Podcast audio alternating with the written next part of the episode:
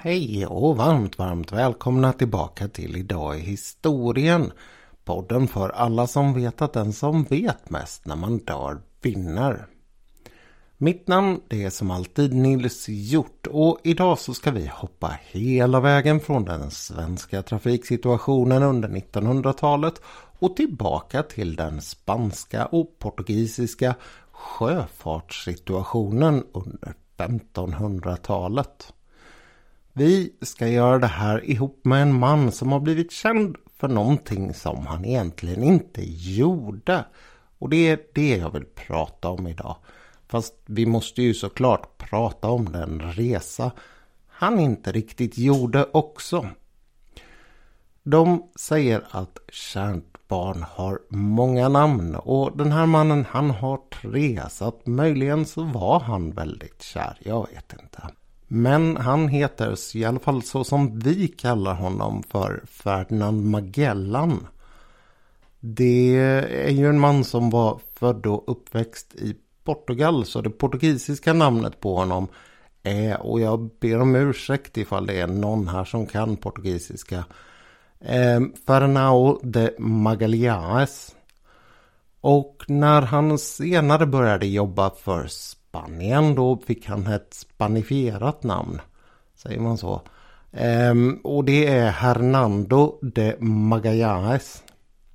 Så de tre namnen känner vi honom under. Magellan han föddes 1480 i en liten by som heter Sabrosa i Villarreal i norra Portugal. Hans familj var lågadlig och han skulle ganska snart bli page vid hovet. 12 år gammal så började han som sådan och han tjänstgjorde hos drottningen. När man gick där så ingick det också viss utbildning och den här utbildningen vid den här tiden handlade väldigt mycket om sjöfart. Man satsade offensivt i Portugal på just det här med att bli en sjöfararnation. Och i hans utbildning så ingick det därför saker som astronomi och navigation och liknande ting. Någonstans runt 25 år gammal så blev det dags för honom att förvandla teori till praktik och han skulle då ut med skepp. I första hand så gällde det uppdrag bortåt Indien. Det fanns ju eh, portugisiska kolonier där borta. Men han har senare uppgivit att han även åkte till andra platser och det är de som längre fram kommer göra honom intressant för spanjorerna. Bland annat så gjorde han två turer till Malaysia och möjligen så begav han sig också till ett område som heter Molukkerna. Det är de som också varit kända som kryddöarna och det är de som spanjorerna och egentligen alla andra i Europa vid den här tiden vill åt. Efter åtta års tjänstgöring så förflyttas han tillbaka till Europa. Och därifrån så ska han börja agera i Nordafrika. Portugal har intressen i Marocko och det är där som han nu kommer att förläggas. Borta i Indien så hade han förlorat en del pengar och nu i Marocko så skulle han under en strid möjligen själv bli skadad. Han fick i alla fall en häst dödad där. Och han riktade därför krav till kronan på ersättning för de här förlusterna. Dels den i Indien och dels den i Marocko. Men det här var ingenting som kungen hörsammade vilket gjorde Magellan en aning förbittrad. Samtidigt så riktas det anklagelser mot honom dels för korruption och dels för förräderi. Ganska allvarliga saker med andra ord. Men det där det klaras ut nere i Nordafrika. Det är ingenting som kungen vill ta i och det är inga anklagelser som följer med honom tillbaka hem till Portugal. Och när han återvänder dit 1517 så berättar han för kungen att han vill ge sig ut och segla igen. Han vill göra en stor expedition men det är ingenting som kungen är intresserad av och när han inte heller vill höja Magellans lön så blir han än mer förbittrad. Det hela slutar faktiskt med att han frågar kungen ifall det är okej okay om han söker sig till en annan härskare. Och lite förvånande faktiskt så får han svaret att det går alldeles utmärkt bra. Magellan han bestämmer sig därför för att vända sig till spanjorerna och möjligen kunna få ihop till en rejäl expedition med fartyg. En månad senare så infinner han sig i Sevilla och tar där kontakt med hovet. Situationen mellan spanjorer och portugiser vid den här tiden var att de var bittra fiender ute på världshaven.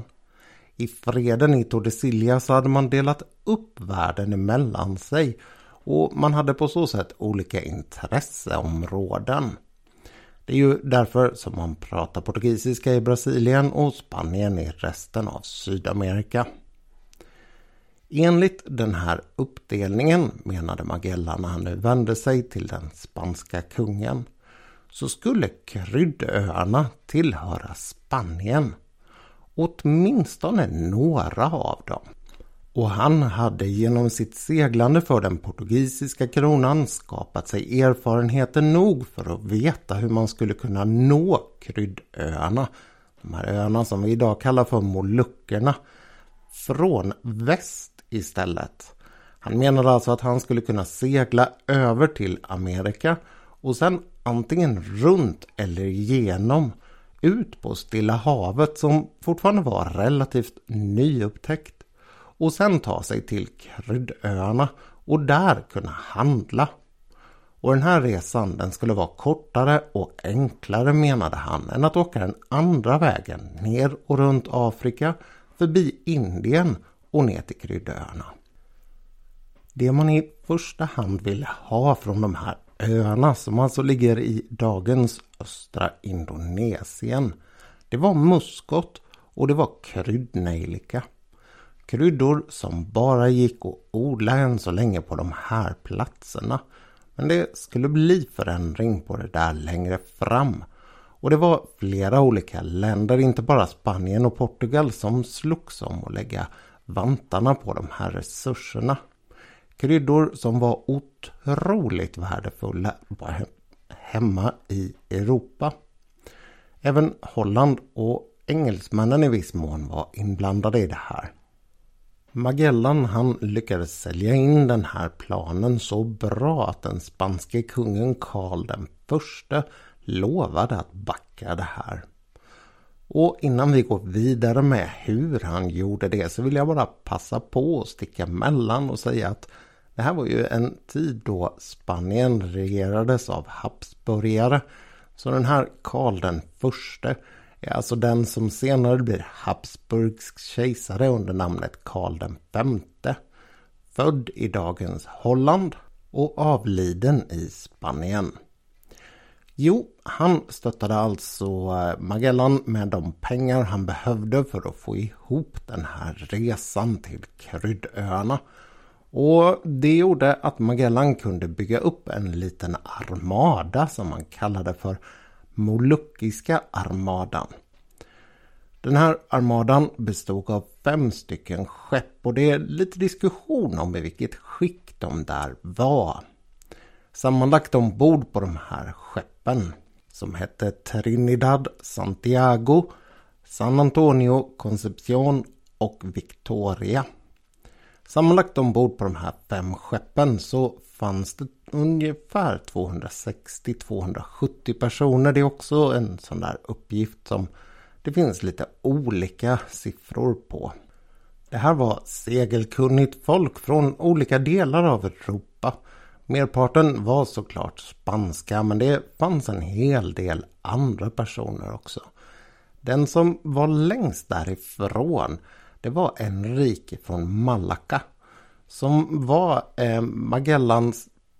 Jag tror att man gör faktiskt mest rätt i att kalla honom för Magellans personliga slav.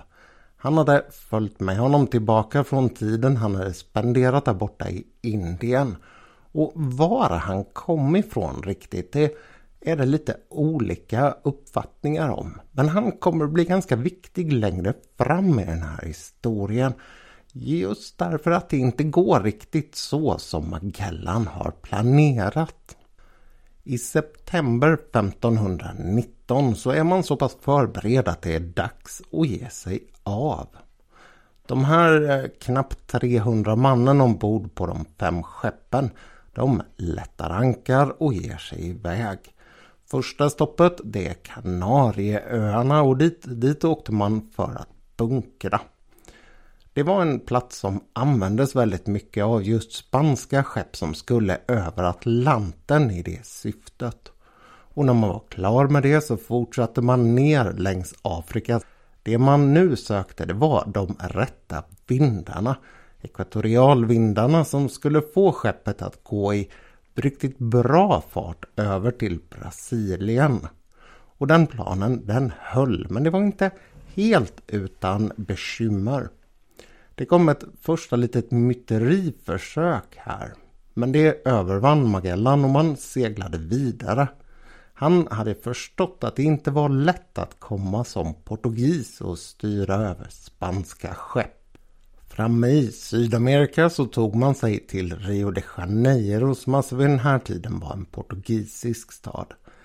Av det skälet så betedde man sig väldigt försiktigt där och gick inte in rakt in i stan och ihop med alla man och sådär utan man la sig en bit utanför och så var det Magellan och några andra som var i land.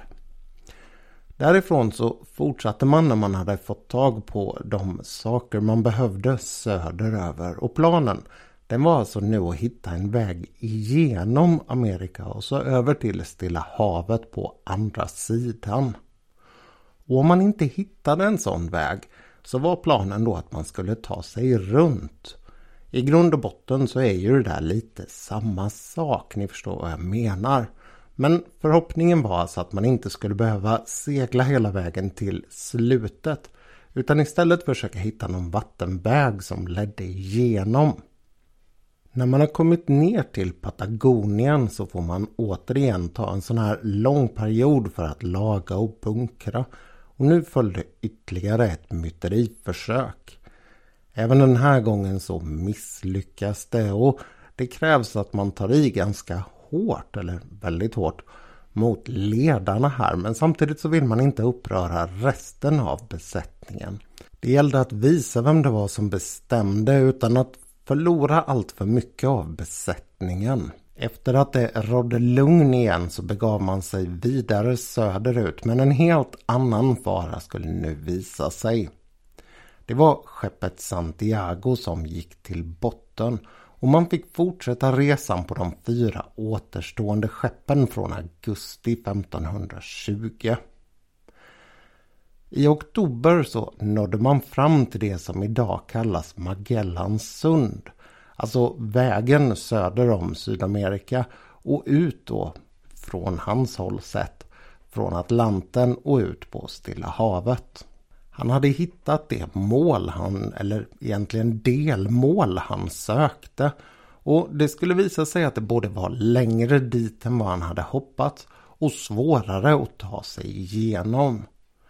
Den kommande perioden här framöver så ska de segla 48 mil genom trånga fjorder kallar de det i engelsk översättning. Jag vet inte om det är korrekt men svåra vatten i varje fall. Ehm, segla 48 mil på 38 dagar. Och under tiden som de reser runt där och försöker hitta bästa vägen för att ta sig igenom. Det är ju väldigt mycket så här eh, försöka och misslyckas, försöka och misslyckas och sen till slut hitta rätt och så börja om på det där sättet igen. Under den här tiden så tappar de skeppet Santiago och det är, nej förlåt, San Antonio. Ehm, och det är helt enkelt så att kaptenen tar en chans att sticka. Det finns ett eh, stort bekymmer förutom att man förlorar en hel del man och en hel del av sin styrka här. Och det är att San Antonio har haft en hel del av maten ombord. Jag är lite osäker på här om det beror på hur skeppen var utrustade, vad man kunde ha med sig. Eller om det berodde på att man efter det där hade svårt att ordna ny mat. Men resurserna de blev i alla fall knappare än vad man hade planerat här. Och man börjar efter att man då har tagit sig igenom det här som senare skulle bli Magellansund. Han kallade det för Alla helgonsund. Ehm, efter det så fortsätter man norrut igen, nu alltså på Sydamerikas västkust. Och man fortsätter upp till där dagens Santiago de Chile ligger. Då fanns det inget sånt samhälle där men för eh, Magellan och hans nu då återstående tre skepp så blev det här platsen där man valde att vika västerut. Han hade räknat med att det kanske skulle ta en vecka att ta sig över Stilla havet. Och det var en grov felräkning, det får man verkligen säga. De skulle nu genom ganska lugna vatten. Det är ju därför som det heter Stilla havet, att det är en ganska stilla ocean. De skulle nu genom de här stilla vattnen segla 1130 mil. Och det tog dem 98 eller 99 dagar. Det är också en sån där sak som är lite olika uppgifter om.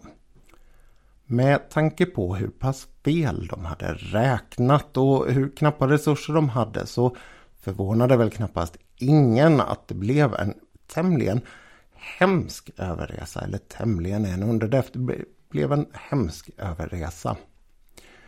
Under den här resan så var det många som hungrade, ännu fler som törstade och dessutom så började man utveckla sjukdomen skörbjugg. Det är ju en vitaminbristsjukdom.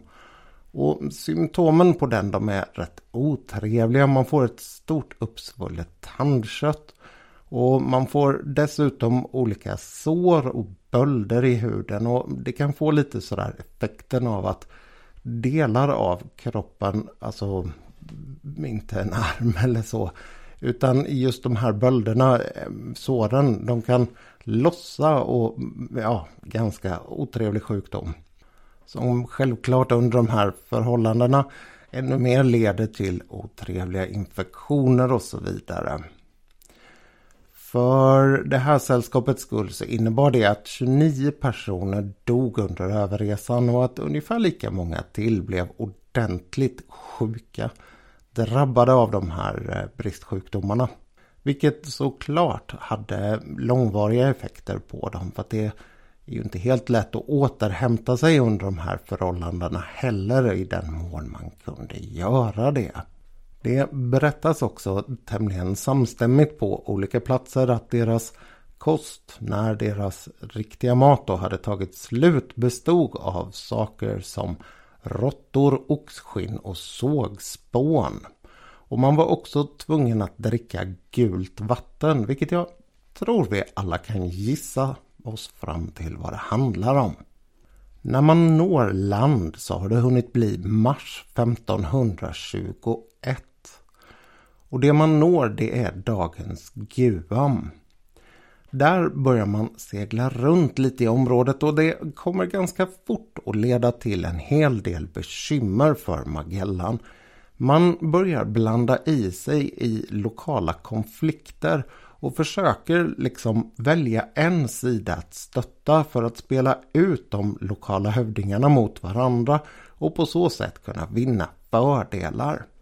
När man i april har hunnit fram till dagens Filippinerna så slår man sig ner på en ö där man lyckas bygga upp någon form av samarbete med en lokal hövding som heter Hammarbon. Den här hövdingen och hans folk försöker man vinna över på sin sida och det är ju som det så ofta är vid sådana här tillfällen en blandning av eh, piska och morot. Det verkar faktiskt till stor del vara mer av den där piskan och dessutom så gör man tappra försök att kristna de här. Och i det så blandar man sig alltså i en sån här lokal konflikt, en ö som finns i närheten där det finns en annan ledare som heter Lapu Lapu som man lovar att man ska åka över och lära en läxa. Magellan han räknar med att det här kommer vara ett ganska enkelt företag. Han är övertygad om sina soldaters överlägsenhet mot allt motstånd de kan möta. Men han räknar fel där. De kommer fram till den här ön med ungefär 60 soldater och det man möter det är ungefär 1500 soldater. Det där är någonting som egentligen inte borde bli några jättestora problem hur otroligt det än låter.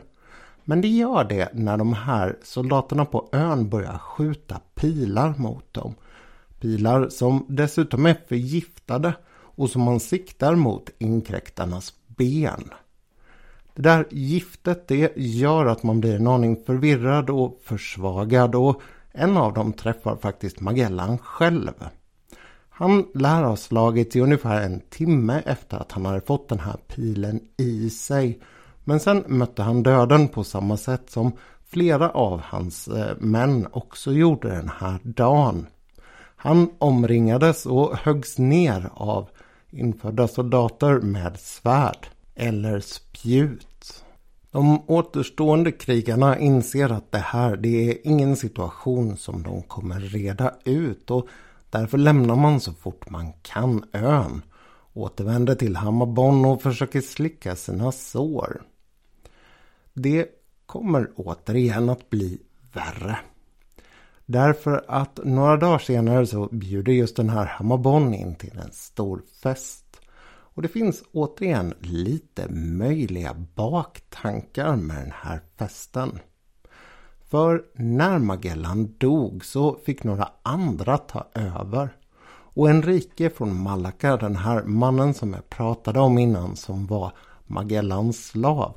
Han skulle friges och få en hel del pengar när Magellan dog eller om Magellan dog.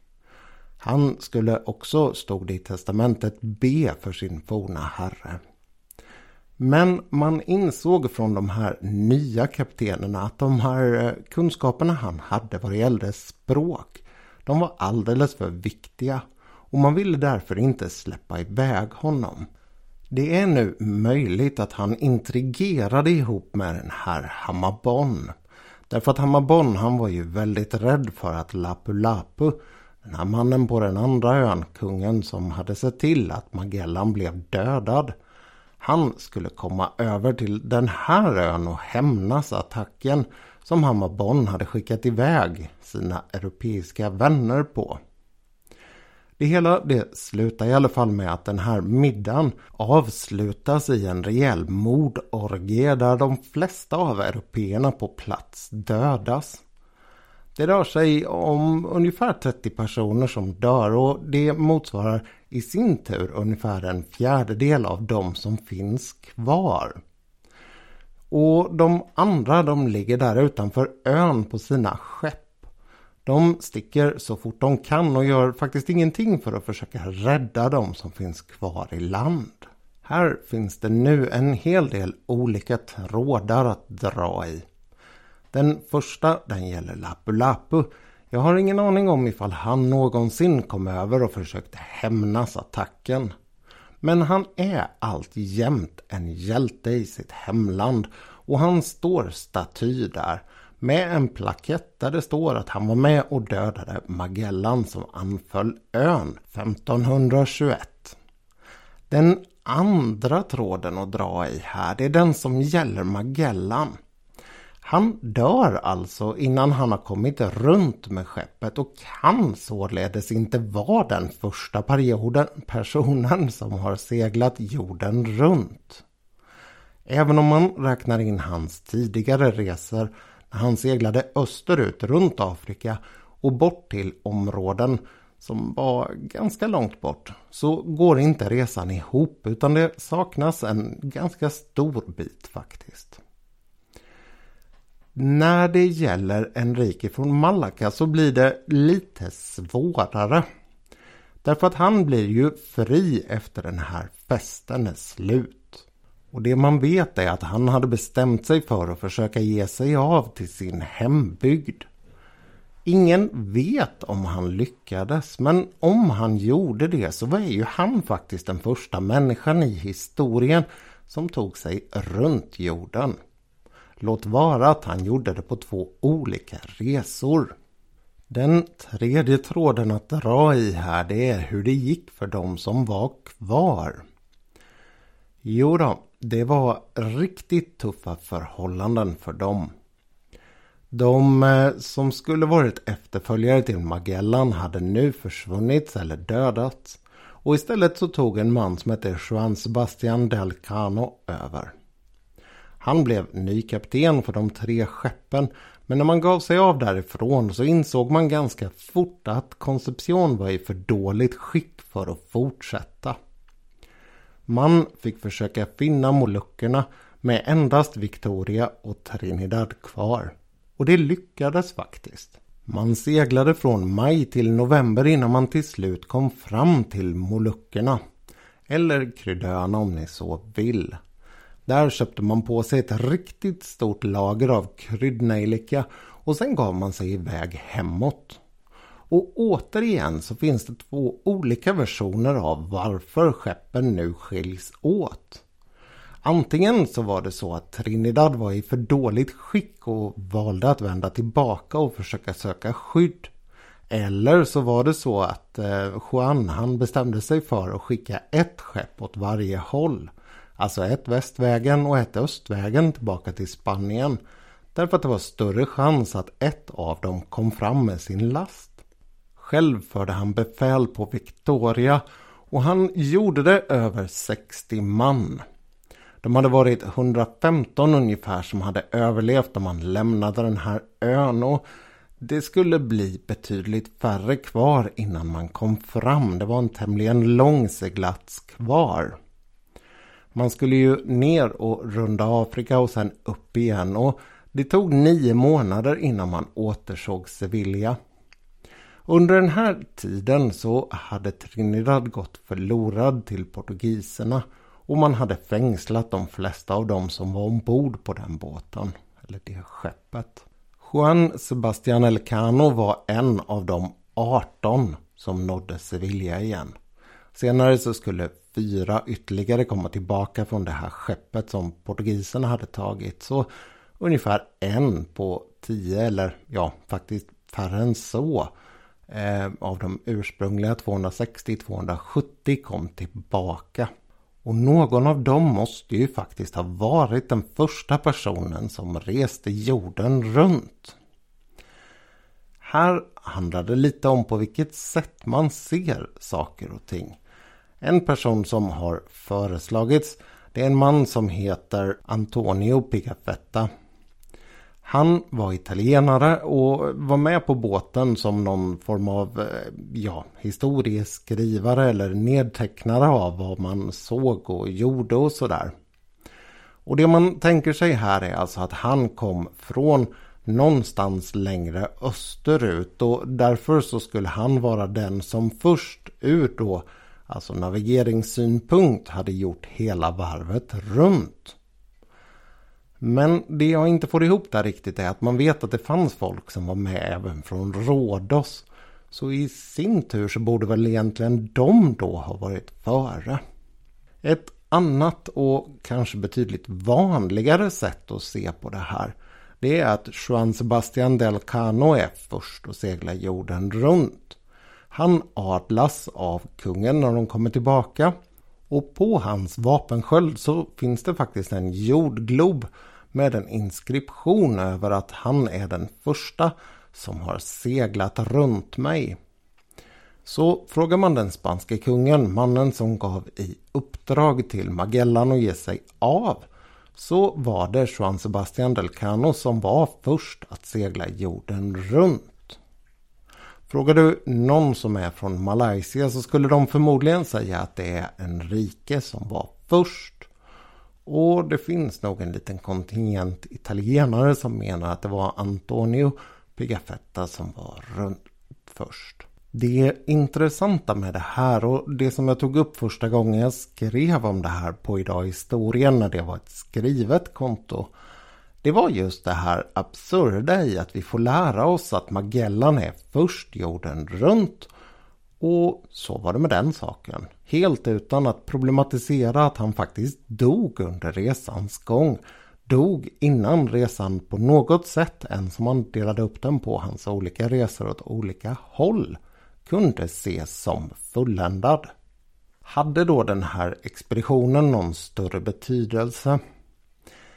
Egentligen i eh, korta drag så var den ju ganska misslyckad. Det man fick tillbaka med sig var en hel del kryddnejlika som var värt ganska mycket pengar.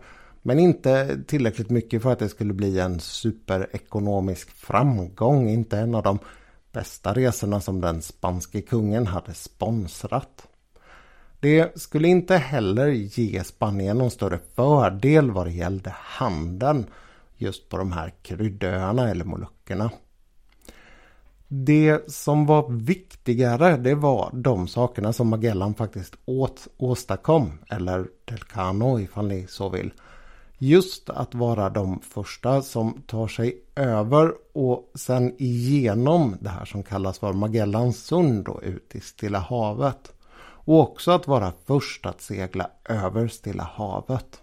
Och när man knyter ihop hela resan och kommer tillbaka så har man ju faktiskt visat för världen att alla haven sitter ihop och att det finns vägar att segla jorden runt. Det var en väldigt stor nyhet. Det hade såklart funnits folk som hade hävdat det här väldigt länge. Magellan han hörde ju till dem. Men det som gjorde det här riktigt spännande det var just beviset för att det gick. Och det syns också i att det börjar ske en hel del fler sådana här resor runt om på de olika haven och att man knyter ihop resorna på andra sätt.